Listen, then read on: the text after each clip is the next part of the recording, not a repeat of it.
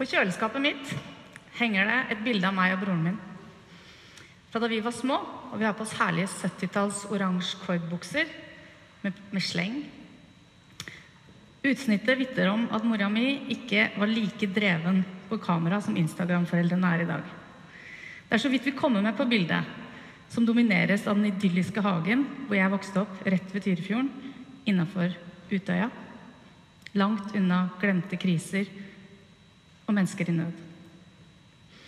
Bildet på kjøleskapet henger i godt selskap med andre minner og små utklipp fra mitt liv. Et julekort fra bestevenninna mi, 100 sørsudanske pund og et utklipp fra en avis hvor det står Hvordan i helvete kan vi leve med vissheten om at dette skjer? Det utklippet henger i øyenhøyde, sånn at jeg ikke kan unngå å se det hver gang jeg åpner kjøleskapet for å ta meg mat. Det er et sitat fra boka 'Sult'.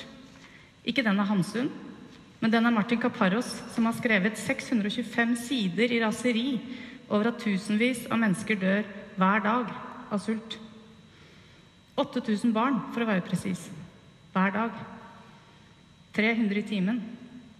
5 i minuttet. Ett akkurat nå. Vi veit det, og vi godtar det. Hvorfor er det sånn? Jeg veit ikke svaret på det spørsmålet som står med hvite bokstaver mot svart bakgrunn på mitt kjøleskap, men jeg har lovt meg sjøl at jeg skal stille meg det hver eneste dag så lenge jeg har puls. For virkelig, dere, hvordan kan vi leve med vissheten om at dette skjer? Første gang jeg spurte meg sjøl det, var jeg 13 år. Og jeg satt fetra foran TV-en og fulgte med på Live Aid i timevis. Jeg var sjokkert over barna med de store magene og øynene. Og de tynne, tynne armene som så ut til å kunne knekke helt av seg selv. TV-skjermen var fylt av disse barna. Jeg så ingenting annet enn ribbein og tomme blikk som stirra på meg. Så dette var altså barna i Afrika, som jeg noen ganger ble fortalt om når jeg ikke ville spise middag. Jeg hadde nok sett bilde av dem før, men ikke så mange og så direkte rett hjem til meg i sofaen. Jeg husker jeg tenkte at mange av dem kommer sikkert til å dø før konserten var over. Dø av sult. Jeg greide ikke å skjønne at det var mulig å dø av mangel på mat, og jeg holdt det rett og slett ikke ut. Men heldigvis holdt ikke Bob Geldof det ut heller. Og derfor fikk han folk i over 100 land til å se på den samme konserten samtidig. Og ikke nok med det. Konserten foregikk på flere kontinent samtidig, og jeg ble helt rød i kinna der jeg satt i sofaen, oppbilda av å tenke på at jeg var en del av noe som forente hele kloden, hadde jeg inntrykk av. Jeg følte meg knytta sammen med de som bor der hvor sola går ned når jeg står opp. Jeg ble glad av å kjenne at det ikke bare var jeg som ikke orka å leve med vissheten om at disse barna ikke har mat. Det eksploderte inni meg å tenke på at sammen så kunne vi jo gjøre noe med det her. Jeg ble forelska i Bruce Springsteen. Jeg ba mor og far og mormor og morfar alle jeg kjente om å gi penger, akkurat sånn som Bob og Bono ba om. Proklamerte at jeg ikke ville ha noen lommepenger fram til jul. Jeg henta det store bladtlasset, slo opp på Afrika og fant Etiopia. Helt til høyre lå det. Jeg bladde opp til verdenskartet og målte avstanden til Norge med fingrene. Så langt var det. Jeg ble blodfan av Bob Geldof. Jeg skrev særoppgave om han, leste om alt jeg kom over, og hørte på Sunday Bloody Sunday på repeat helt til det klikka for mora mi. Men så gikk det over. Skolen og håndballen fylte uka. Jeg var igjen ulykkelig forelska i Stian. Jeg var lei meg for at jeg så kjip ut med tannregulering, og fordi jeg ikke fikk hvit boblejakke fordi mor syntes at det var skikkelig upraktisk. Og barna som stirra på meg bare for noen uker siden, ble glemt. Helt til jula kom, og de igjen spilte Do They Know It's Christmas? Og igjen kunne ikke jeg holde det ut at de hadde det sånn der til høyre i Afrika. Jeg ble så sint og overtalte alle de voksne til å gi penger til Redd Barna til jul. Men det var kortlivet denne gangen også. Innen snøen falt i januar, var jeg igjen så opptatt av å være tenåring at det gikk fint å leve i vissheten om at dette foregikk så langt unna meg. Fem minutters empati var alt jeg hadde tid til. Men dette ubehagelige spørsmålet fortsatte å pirke meg, lot meg ikke være i fred. Jeg kjente det ulma der nede i hjerterota. Noen ganger fikk det meg til å rødme av skam. Live Aid gjorde også at jeg ble tidlig fascinert av store direktesendte show, kjendiser og konserter. Og det førte til at jeg endte opp som TV-produsent. Og jeg trivdes så godt med det at jeg i mange år glemte spørsmålet, fortrengte det og ignorerte, det og ignorerte urettferdighetskompasset mitt hver gang det pirka litt i meg. Men da jeg plutselig befant meg i Senegal, til venstre i Afrika, for å lage et TV-program, så blussa det opp, og uretten jeg så, reiv meg nesten i filler. 13-åringen var tilbake, og, jeg, og krevde å bli hørt. Jeg ombestemte meg i livet og reiste ut på mitt første oppdrag med Leger uten grenser til Elfenbenskysten, og ingenting skulle noen gang bli det samme igjen. For hvert oppdrag jeg tok, fikk jeg mine egne fordommer i trynet og innså hvilken bjørnetjeneste Live Aid på mange måter hadde gjort for de barna som stirra på meg der i sofaen. De navnløse, stemmeløse, viljeløse ofrene som nærmest var statister i et kjendisshow. Ja, vi skapte det engasjement, men hvor lenge varte det? Hvor lenge varer engasjement som springer ut av å synes synd på noen som er tufta på dårlig samvittighet? Jeg kom akkurat hjem fra Nigeria bare for et par uker siden. Der er én million mennesker på flukt fra Boko Haram. Og 32 år etter Live Aid fortsetter de å dø av sult, til tross for at de godt vet hva jul er. Da jeg landa på Gardermoen og så forsiden på VG og Dagbladet, fikk jeg som vanlig lyst til å snu. Jeg sliter med å koble meg på virkeligheten her i Norge og godta det som er på agendaen her. For å velge å reise ut med Leger uten grenser er et livsforandrende valg. Det er å gå over ei bru og møte noen mennesker på andre sida som gjør at jeg ikke så lett kan gå tilbake. Jeg har lært at de som lager minst bråk, ofte er de som lider mest. Jeg veit at glede fins i de mest håpløse situasjoner, og jeg veit også at noen ganger er det bare håpløst. Etter over ti år tett på krig, nød, ondskap og lidelse er det jeg sitter igjen med det jeg har lært, er at det som skiller oss fra hverandre, er ingenting mot det som binder oss sammen. Hvis du tar et røntgenbilde av et brukket ben, er det ikke mulig å se om det er mitt ben, eller ditt ben, eller en fra Afghanistan. Et hjerte ser rimelig likt ut uansett hvem som eier det. Og får du hjerteflimmer eller infarkt, trenger alle mennesker en lege, et sykehus.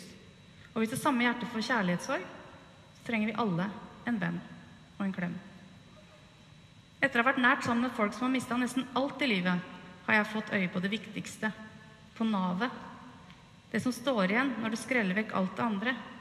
Og det er tre ting som vi alle har felles, uansett hvor på kloden vi bor. Det er å være frisk, å være trygg og sammen med de du er glad i.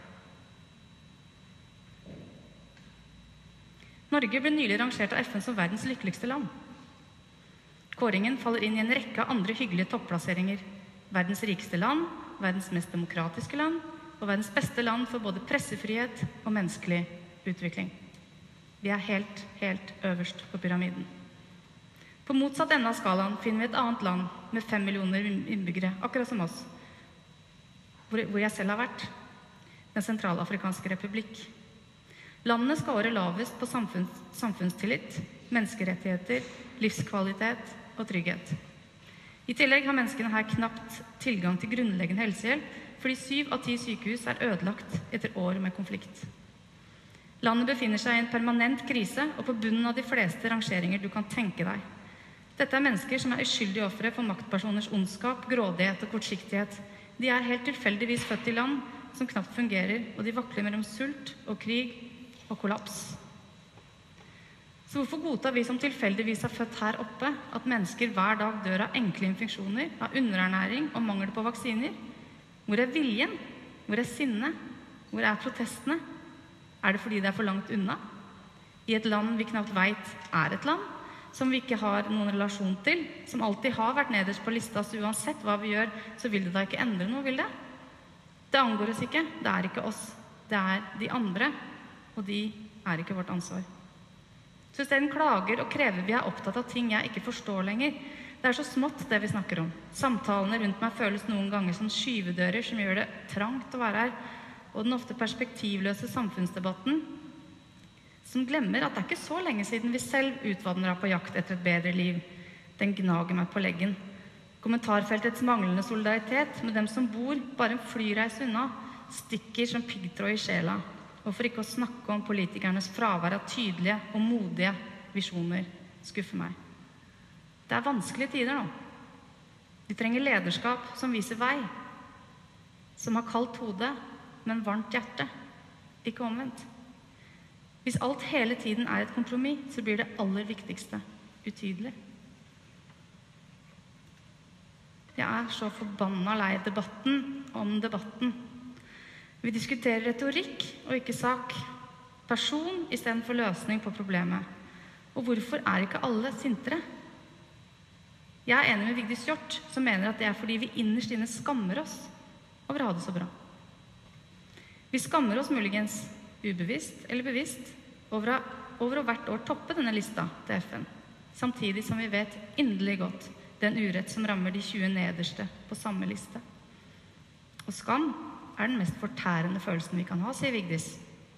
Og derfor så holder vi det ikke ut, og vi føder skammens tvilling, hovmodet.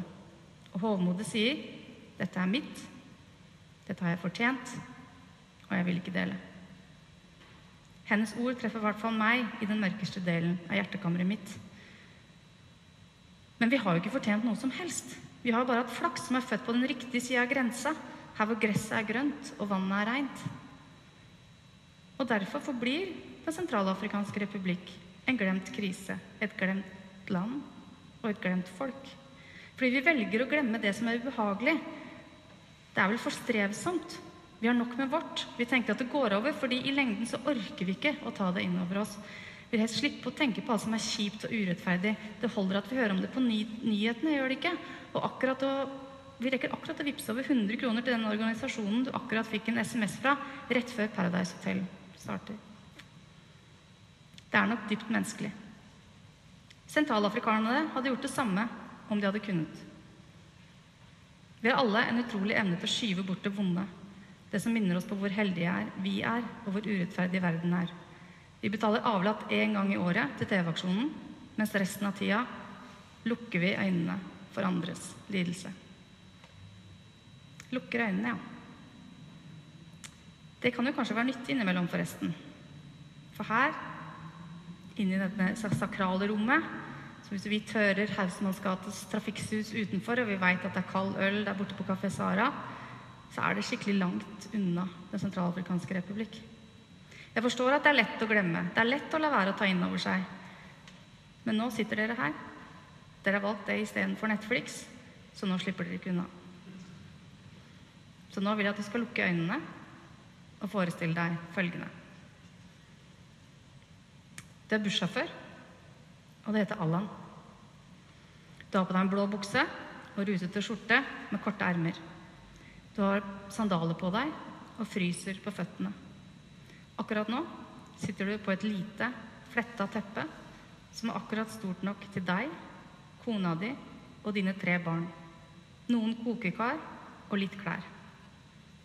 Det var alt du fikk med deg da du rømte for livet. Du så naboene dine bli drept, og du veit ikke hvor resten av familien din er. Broren din, foreldrene dine. Du bare løp så fort du kunne med han på fem år på skuldrene, minstemann i armene, kona di på slep som hadde datteren på tre på ryggen. Du løp fra huset ditt mens gata sto i brann, og kom deg til flyplassen i byen der du bor. Bangui, hovedstaden i Den sentralafrikanske republikk. Her bor du i ytterste trengsel sammen med tusenvis av andre, like mange som det bor i Drammen, de fleste med bare stjernehimmelen som skydd. Det er bare en fotbredde mellom deg og naboene. Det er støvete og grisete overalt. Den dominerende fargen er beige. Alt blir kjapt farga av støvet på bakken. Du har hengt opp en slitt presenning som holdes oppe av fire bambusstenger. Det er snart natt, det er kaldt, og du tror kanskje det vil regne. Du har ikke mat. Kona di foster stygt ved siden av deg, og hun på tre ligger slapt i fanget ditt. Du tror hun har malaria. Du hører skuddene fra kalasjnikoven i bydelen du akkurat har flykta fra. Du veit at en kule kan nå flere kilometer.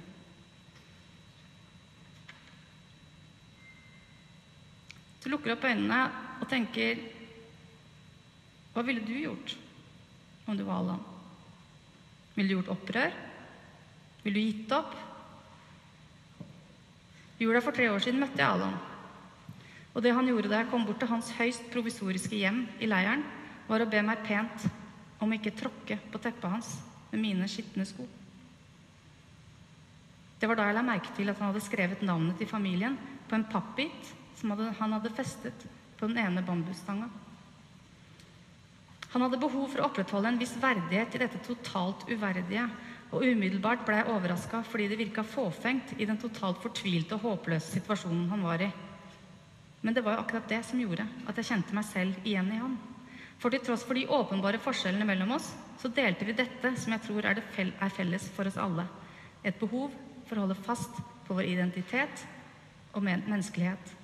Selv når vi har opplevd umenneskelige handlinger. Ja, kanskje særlig da. Du ville også kjent deg igjen i Allan. Du ville sett deg selv i han. Og det er kun da du kan bli berørt. Og det er kun når du blir berørt, at du ønsker å bidra til å hjelpe, til å endre over tid. Litt lenger enn fem minutter. Krigen i Den sentralafrikanske republikk brøt ut rett før jul for tre år siden. Og mens jeg i romjula jobba med å hjelpe Allan og alle de tusenvis av andre som hadde flykta til den flyplassen, så tenkte jeg på Geldofs 'Do They Know It's Christmas', som jeg syns var så viktig og fin i 1985. Nå syns jeg det er den verste av alle innsamlingslåter som er laga. Den oppsummerer i grunnen alt som er galt med vårt forhold til Allan og alle andre som har det vondt og lider unødig. Med stereotypi, distanse, dårlig samvittighet og medlidenhet mens det de ber om, er nærhet, solidaritet og respekt. Og det er en vesensforskjell mellom de begrepene. For selvfølgelig vet jeg at det er jul. De er akkurat som oss. Altfor mange av de historiene du fortalt, får fortalt her hjemme, skaper avstand og ikke nærhet. Gir deg dårlig samvittighet istedenfor sinne. Medlidenhet istedenfor medfølelse. Og da er det lett å la være å bry seg over tid. Jeg har sjøl vært med å bidra til det, dessverre. Da jeg kom hjem fra Bangui, fortalte jeg en journalist om en mann som kom inn i vår klinikk og holdt hodet sitt oppe fordi han hadde et machetehugg på hver side av halsen. Det er et så grotesk bilde, selvsagt, at det var mange i avisa som slo det opp. Og jeg angra på at jeg ikke heller hadde fortalt om Allan, fordi macheter og sinte unge menn som løper rundt som villmenn, passer litt for godt inn i narrativet. Ja, men de er jo helt gærne der nede i Afrika. Jeg var med på å opprettholde disse fordommene og fortelle om det bestialske jeg hadde sett. For det fører ikke til omsorg for de folka jeg har møtt. Nei, det bare, fører bare til avstand til hele problemstillingen. Det er ingen som kjenner seg igjen. Det angår meg ikke. Og da minker medfølelsen. Det blir ingen solidaritet eller noe raseri. Men samtidig var det jo mye grusomt jeg opplevde. Jeg var omgitt av så mye hat at jeg følte jeg kunne ta på det. Så mye ondskap at jeg syntes jeg kunne lukte det som sterk, svidd svette. Men vennene mine sa at dette kunne jo ikke skjedd her i Norge. De kunne aldri kutte hodet av sine naboer slik de gjorde i Bangui. Men det er ikke jeg enig i. Og like viktig som det er å se det gode i, det andre, i de andre, slik jeg så i Allan, så er det å se det onde i oss selv. For jeg er helt sikker på at vi alle har evne til enorm hat og ubeskrivelig ondskap. Det er dypt menneskelig. Jeg kunne blitt som de mødrene jeg så i Bangui, som tok med seg barna sine for å se en muslim bli brent levende. Fordi muslimen var ikke et menneske for dem lenger. Han var en fiende, en rotte, et skadedyr uten menneskelige egenskaper. Og avhumanisering gir overraskende fort plass til hat mot andre. Det er som kreft på sjela som tar livet av empati. Og i de ukene jeg var i Bangui, så så jeg det eskalere fra en dag til en annen. Så selv om Eller hvis jeg hadde vokst opp i randsonen av livet, hvor hver dag var en kamp for å få dekka mine mest grunnleggende behov, og jeg så noen drepe og voldta min mor, brenne ned huset mitt og true meg på livet, ja, så ville kanskje jeg også svart med ondskap. Men jeg tror ikke vi trenger å trekke det så langt engang. Jeg tror vi alle har den liggende rett under overflata. Denne evnen til å fortrenge andres menneskelighet, og at det derfor det skal så lite til av gruppepress, propaganda eller hatkultur før helt uakseptable handlinger og holdninger plutselig føles helt greit. Som de amerikanske soldatene i Abu Ghraib-fengselet. De helt vanlige folka som jobba i Auschwitz. Mobberne på ungdomsskolen. De som sparker til koppet til en tigger en fredagskveld. Det ligger lett for mennesker å være onde mot andre så lenge det finnes aksept for det. Det handler om et valg vi alle må ta hele tida om hvilken side vi skal stå på. Det er så lett å skli ut. Vi er alle drittsekker innimellom. Det finnes utrolig fæle, grusomme afrikanere, avskyelige muslimer og hatefulle kristne. Og det finnes ufattelig ondskap som begås i nære relasjoner bak norske dører. Til tross for dette så deles verden tydeligere og tydeligere opp i dem og oss. Hvor dem, de andre, er de som, er verdi, er de som har dårligere verdier enn oss, er hatefulle, som voldtar og terroriserer. Så vi har all grunn til å frykte dem, da. Og da er de jo mindre verdt. Og de fortjener ikke den samme behandlingen som oss selv. Men det stemmer selvsagt ikke.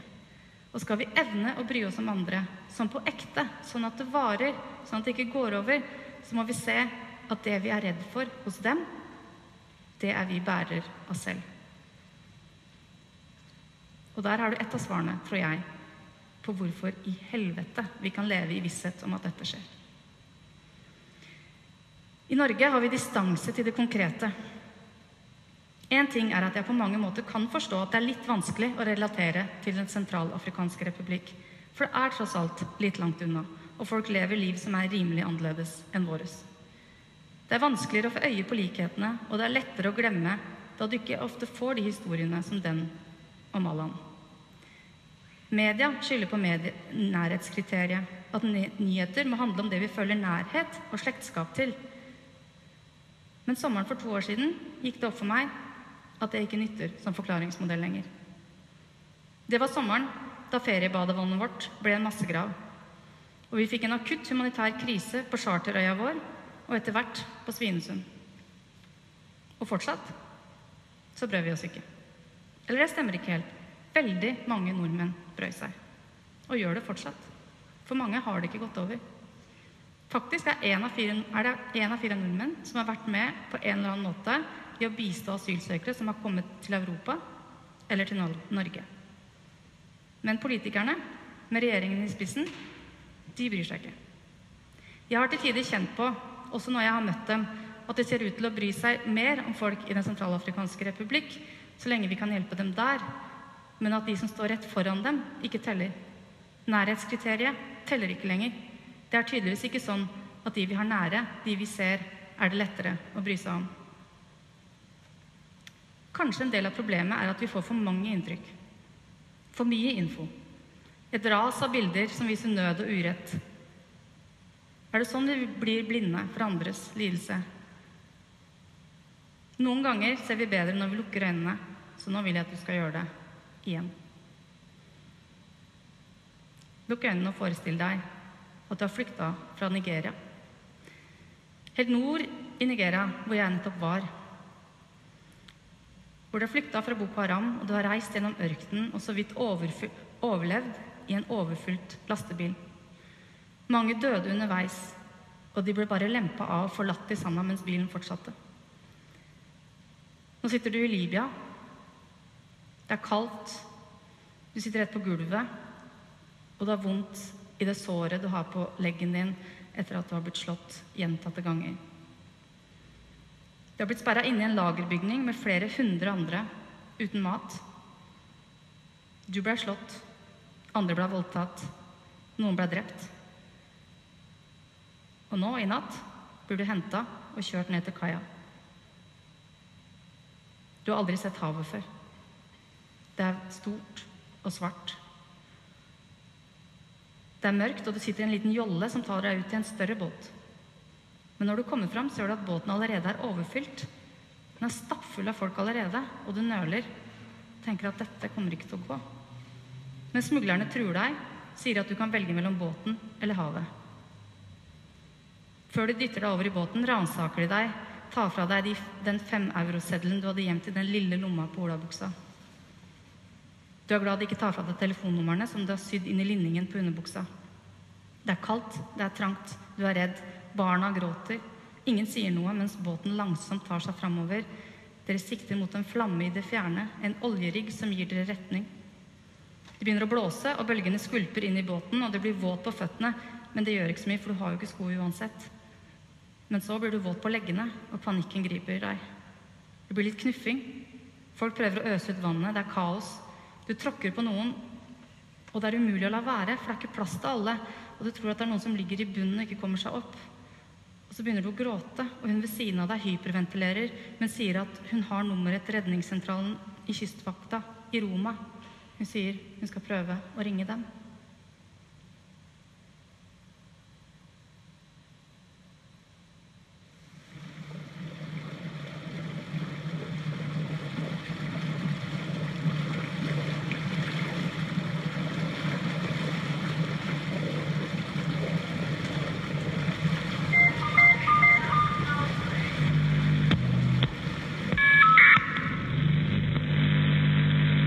Hello? Hello, sir. Hello? Hello, sir. Please stop and help us. Our life is in risk. Okay. Give me your position. What is the position, please? Don't cry. Try to stay calm. No, don't cry, don't cry. Try to stay calm. Give me your position. 314. Three, one, four.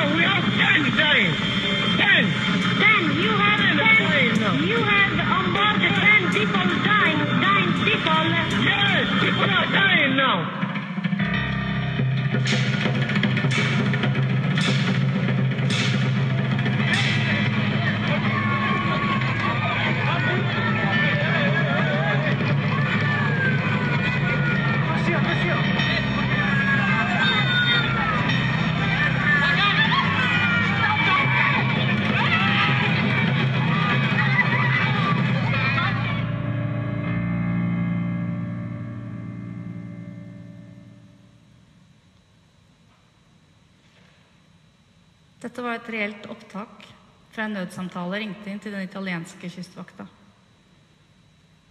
Og det var et reelt opptak av en redning som jeg har vært med på. Fordi Sommeren for to år siden så leide Leger uten grenser en båt og satte til sjøs.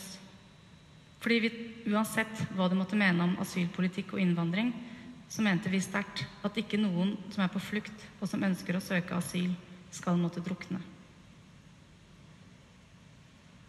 Og den kontrasten mellom det dramaet dere akkurat hørte, og som jeg var vitne til mange ganger Kontrasten mellom det og det som skjedde når de kom om bord trygt på båten vår, den, har jeg problemer med å finne ord for å forklare. Det er den mest intenst menneskelige opplevelsen jeg har vært med på. Jeg var tett på hundrevis av mennesker som var livredde og hadde dødsangst. De aller fleste gangene greide vi å redde de trygt om bord hos oss. Og da gikk det i løpet av minutter fra å ha dødsangst til å bryte ut i enorm glede over å være i live. De lo, de sang, de gråt, de falt om. Og det er umulig å være med på det uten å bli berørt. Da var jeg så tett på som det er mulig å komme på hundrevis av mennesker som har de mest allmenngyldige menneskelige følelsene du kan ha. Å være redd for å dø og glad for å være i live. Og det er helt likt for alle mennesker, uansett hvem vi er. Og det treffer deg som en vegg av følelser rett i hjertet. Og du kan ikke være med på det uten å bli berørt. Det gir deg tårer i øya enten du vil eller ei. Og jeg veit om et par politikere jeg gjerne skulle tatt med på den båten. Fordi det er umulig å se på eller å snakke om disse menneskene som tall eller som migranter og flyktninger for den del, etter å ha opplevd en redningsoperasjon. De er bare folk. Helhjerta og flerdimensjonale mennesker, akkurat som oss. Noen av dem er morsomme. Det er jo ikke sånn at du slutter å ha humor bare fordi du er på flukt. Noen er drittsekker. Andre er stille. Noen er musikalske. De er akkurat som oss. Mangefasetterte. Å være på den redningsbåten er annerledes enn alt annet jeg har opplevd i livet, også med Leger uten grenser. For den nærheten jeg fikk til menneskene som vi hjalp, var helt overveldende og vakker. Og det er noe vi ofte mister eller glemmer i prosjektene på land. Eller her hjemme når vi leser avisene. Men på den båten så var det helt umulig å holde avstand, for vi hadde hundrevis av mennesker om bord. Og den båten var ikke særlig stor. Det var folk overalt. Noen ganger var vi over 20 nasjonaliteter om bord, inkludert vårt team og mannskapet. Og det gikk helt fint. Til tross for til dels enorme kulturelle, fysiske, mentale og religiøse forskjeller, så var det stort sett god stemning. Folk blir venner, bryr seg om hverandre, hjelper oss med å dele ut mat, ordne dokøen. Det tar to døgn å seile tilbake i trygghet til Italia. Og vi hadde bare seks toalett. Og noen ganger var vi opp mot 1000 mennesker. Men det gikk greit. En imam kunne holde en kveldsbønn etterfulgt av en prest som sang en salme. Om det var noen som krangla, yppa seg og var aggressiv, så var det noen andre som trodde til for å løse floka. Og det var aldri noen som hadde våpen. Når det var hundrevis av mennesker fra over 20 forskjellige land sammen midt ute på havet, på Middelhavet, i internasjonalt farvann, farvann Og jeg skjønner at det jeg skal si nå høres helt sånn kumbaya ut. Men det er ikke noen annen måte å beskrive det på. Fordi det var akkurat det vi følte at akkurat da så var vi alle, bokstavelig talt, i samme båt, uten grenser.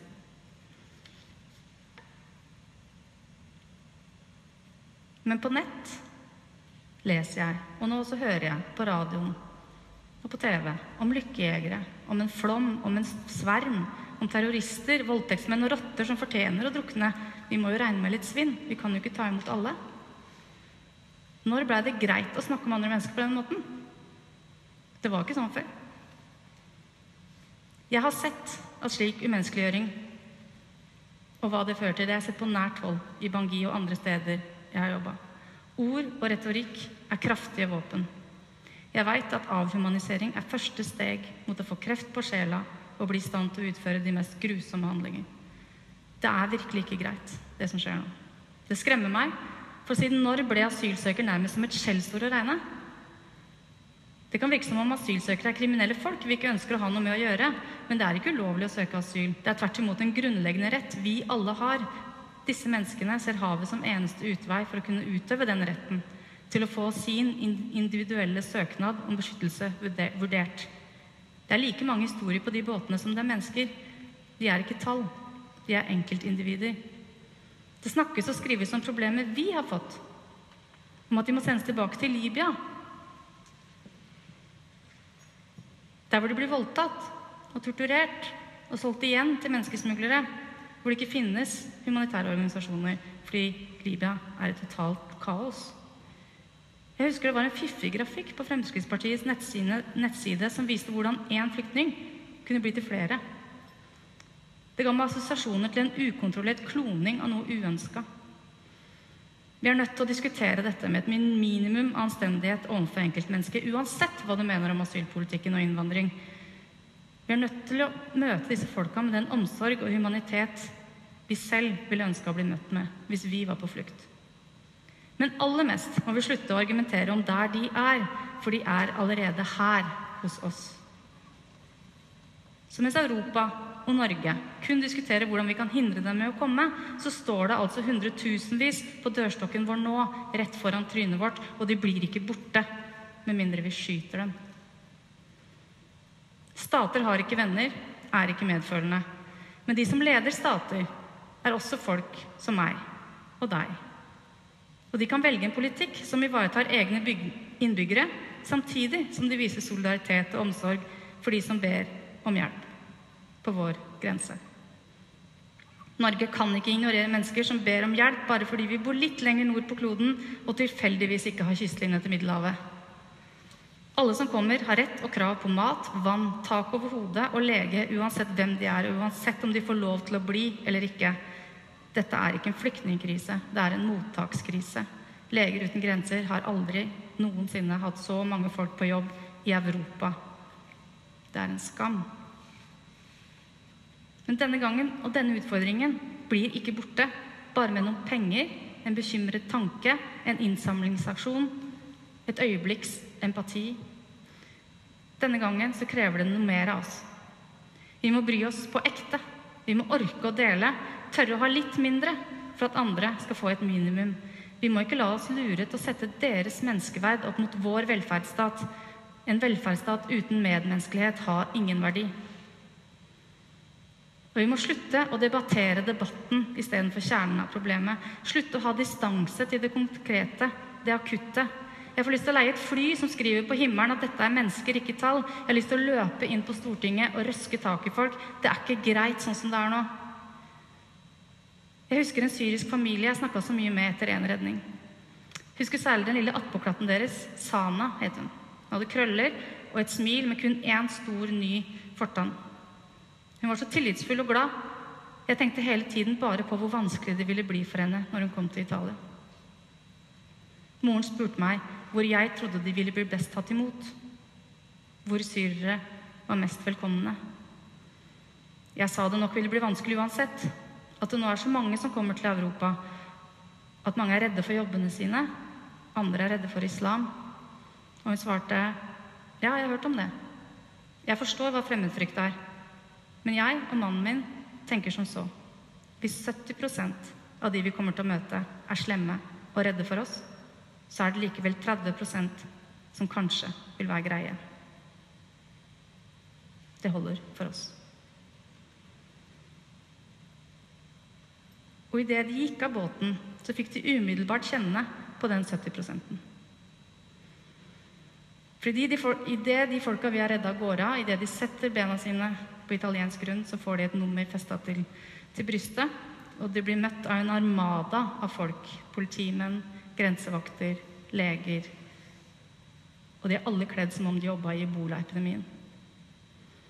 De er kledd i smitteverndrakt, de har masker og hansker. De er mennesker uten ansikt, uten hud, uten smil. De tar imot disse folka som bærer på så mye vondt og traumatisk. De, alle, som, de tar dem imot som om de alle er smittebærere av dødelige sykdommer. Men de er ikke det. De er friske. Helt friske, akkurat som deg og meg. De sykeste ville allerede ha dødd under flukten. I ørkenen, i lastebilen, i et lagerrom i Libya, på havet. På vår båt bruker vi aldri hansker eller maske. Vi ønsker folk velkommen om bord med et håndtrykk og ønsker dem lykke til videre med en klem når de går av. Jeg gjorde et poeng ut av at jeg alltid sto og klemte hver eneste en, selv den gangen vi hadde 1002 mennesker om bord og de italienske politimennene så på meg som om jeg var gal. Men jeg er helt sikker på at hvis båten vår kom med 700 europeere som vi hadde redda i havsnød, så hadde de ikke blitt møtt av folk i eboladrakt. For det betyr noe hva vi gjør. Hvordan vi møter folk. Hva vi sier. Det betyr enormt mye. Så ikke syns synd på dem som går i land på Sicilia eller sitter i de båtene. Før solidaritet med dem og spør deg selv hvordan i helvete kan vi fortsette å leve i visshet om at dette skjer? Jeg trodde ikke det kunne bli verre, men så blei det verre. Akkurat nå så er barn sperra inne i bur i Hellas pga. en avtale som EU og Norge har skrevet under med Tyrkia. Folk blir banka opp på grensa til Ungarn, og vi bruker tid her hjemme på å gjøre stuerein en meningsløs og fordomsfull debatt om hvem som er etnisk norsk, mens vi med den andre hånda tar fra barn født i Norge statsborgerskapet. Det kunne faktisk blitt verre, men fortsatt er det ikke noe opprør. Og så kunne det faktisk bli enda verre. For i forrige uke så tvangsreturnerte Norge en ung, enslig asylsøker til Afghanistan. Han heter Ati, og han er psykisk utviklingshemma. Akkurat nå sitter han helt alene på et hotell i Kabul uten medisiner han trenger, og ute av stand til å ta vare på seg selv. Han kunne hett Tom. Det kunne vært min onkel om rollene var snudd. Hvis min onkel Tom var født i Kundus, slik som Atti er. Onkel Tom har Downs syndrom. Og han er 69 år, mye eldre enn det som er vanlig for personer med Downs, det. Hans slitne kropp, som er lam i venstre side etter et lite slag for noen år siden, er nå i de beste hender på sykehjemmet der ved Tyrifjorden. Hans barnlige hjerte har de siste åtte årene banka ved hjelp av en pacemaker. Og han snakker ikke så mye lenger, men han ler når han ser meg og sender meg slengkyss når jeg går. Onkel Tom har hatt et godt liv og en god alderdom fordi han bor i et land hvor vi har bestemt oss for at han har like mye rett til pleie og omsorg som alle andre. Flaks for onkel Tom at han ble født her, helt øverst på kloden, hvor vi har så mye å rytte med at vi varmer opp fortauene om vinteren og kan ta oss av våre funksjonshemmede på en verdig måte. Han har bidratt med glede i familien og med menneskelighet i samfunnet, selv om han aldri har kunnet ta lønnet arbeid. Selv om han kanskje aldri har blitt ordentlig integrert sett fra et samfunnsøkonomisk og kulturelt perspektiv. Der det er hjerterom, er det husrom, står det med korsring på et, kjøk et kjøkkenhåndkle som mormor broderte. Attis historie, der han sitter i Kabul, beviser dessverre med all tydelighet at i Norge har vi ikke hjerterom lenger. Vi har ikke engang rom for de aller svakeste som banker på vår dørstokk. En velferdsstat uten medmenneskelighet har ingen verdi. Jeg mister nattesøvnen og sånt. Gjør Erna det? Jonas? Gjør du? Jeg har blitt kalt naiv. Men det er de som tror at vi kan komme unna med å ignorere andre menneskers lidelse, som er naive. Det er naivt å tro at vi kan la være å bry oss om de som bor rett sør for siden, uten at det får konsekvenser for oss.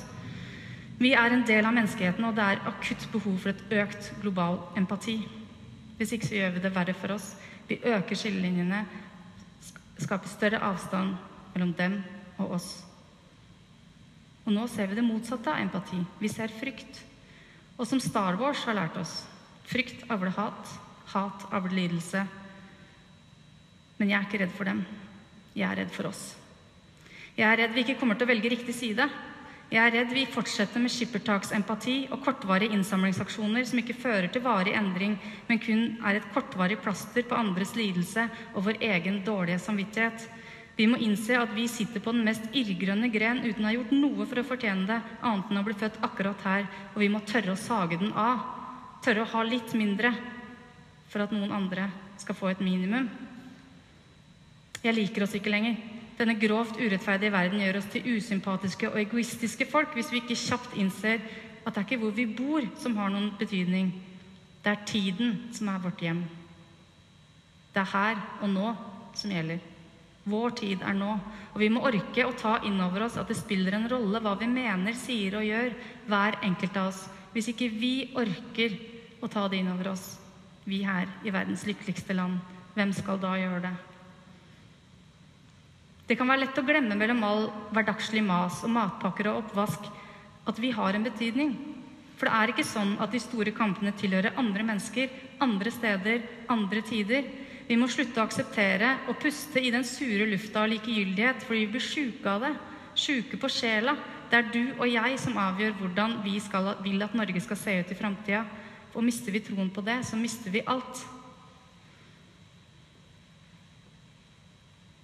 Jeg er fortsatt forelska i Bruce Springsteen. Og det hender at jeg ser på Paradise Hotel. Men jeg har som dere skjønner tenkt noen tanker og levd noen øyeblikk som er som tatoverte på innsiden av øyelokka mine.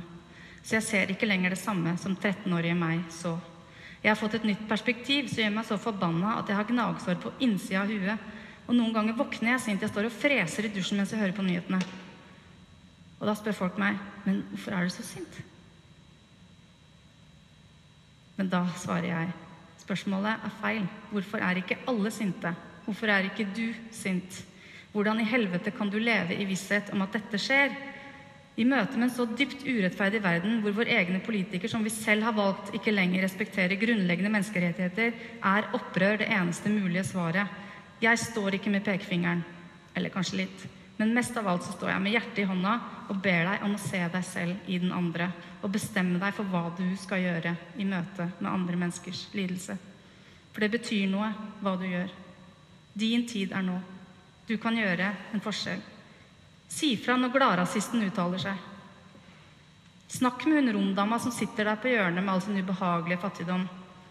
Meld deg inn i et politisk parti eller en aktivistorganisasjon. Skriv et lesebrev, demonstrer. Følg hjertet ditt, skap dårlig stemning der det trengs rundt lunsjbordet eller ved kaffeautomaten. Tør å stå opp. Bli sint, for av avmakt gror det ingenting. Verden forandres ikke av et kaldt hode, men av det som river i hjertet. Slutt å ha dårlig samvittighet, for det har ingen bruk for. Aller minst de som sitter i en overfylt gummibåt i Middelhavet akkurat nå. Eller alltid i Kabul. Jeg tror at bare raseri kan redde en verden som er i ferd med å gå fullstendig av hengslene. For husk at det finnes ingen de andre. Det er bare oss. Og vi teller sju milliarder jordboere.